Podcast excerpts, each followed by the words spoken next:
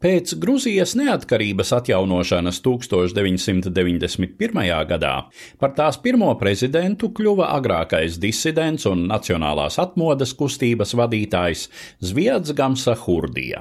Tomēr jau pēc dažiem mēnešiem varas virsotnē iezīmējās nopietns konflikts, kas beidzās ar militāru apvērsumu, ielu cīņām galvaspilsētas Tbilisi centrā un Gamsa Hurdijas bēgšanu uz ārzemēm.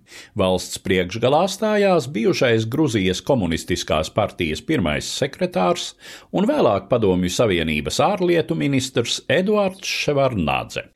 Pēc vairākus gadus ilguša konstitucionālo reformu procesa viņš 1995. gadā tika ievēlēts par otro Gruzijas republikas prezidentu. Pieredzējušajam politiķim Ševardnadzem izdevās uzlabot Gruzijas attiecības ar abām nozīmīgākajām kaimiņu valstīm - Krieviju un Turciju, un panākt uguns pārtraukšanu konfliktā ar separātisko Dienvidosetijas autonomiju. Tomēr Gruzijas mēģinājums ar spēku pakļaut otru separātisko reģionu - Abhāziju - beidzās ar fiasko un gruzīnu tautības iedzīvotāju masveidīgu padzīšanu no Abhāzijas. Gluži kā visas citas postpadomju valstis, arī Grūzija šai laikā cieta no grūtas pārējas uz tirgus ekonomiku un ar to saistītām problēmām. Ēnu ekonomika šai laikā iespējams veidojusi līdz pat 70% no ekonomiskās darbības kopapjoma, attiecīgi valsts hroniski neizpildīja ieņēmumu plānus. Nožēlojamais atalgojums valsts sektorā bija lieliska augsne korupcijai. Kādu laiku atelpu sniedza ārējie kredīti, taču ap gadu tūkstošu miju arvien grūtāk nācās kārtot valsts kredīt saistības. Tikām ap prezidentu bija izveidojies pietuvināto loks, kas nekautrēdamies izmantoja savā labā varas resursus.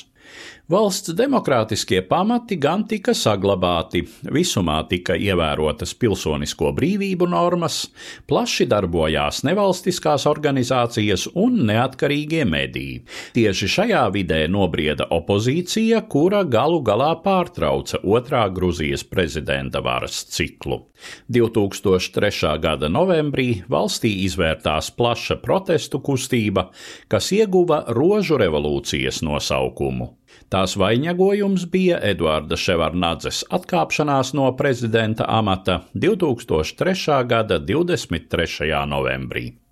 Jau vairākus gadus pirms izšķirošajiem notikumiem Ševarnadzes partijas Gruzijas Pilsoņu savienība popularitāte sāka strauji ļodzīties, un to pameta daudzi ietekmīgi politiķi, tā skaitā nākamie rožu revolūcijas līderi - Gruzijas parlamenta priekšsēdētāja Nino Burģanādze, agrākais parlamenta priekšsēdētājs Zuraps Žvanija un Mihails Sākašvili, kurš bija spiests atkāpties atkāpties no tieslietu ministra amata pēc konflikta ar vairākiem ietekmīgiem varas struktūru pārstāvjiem.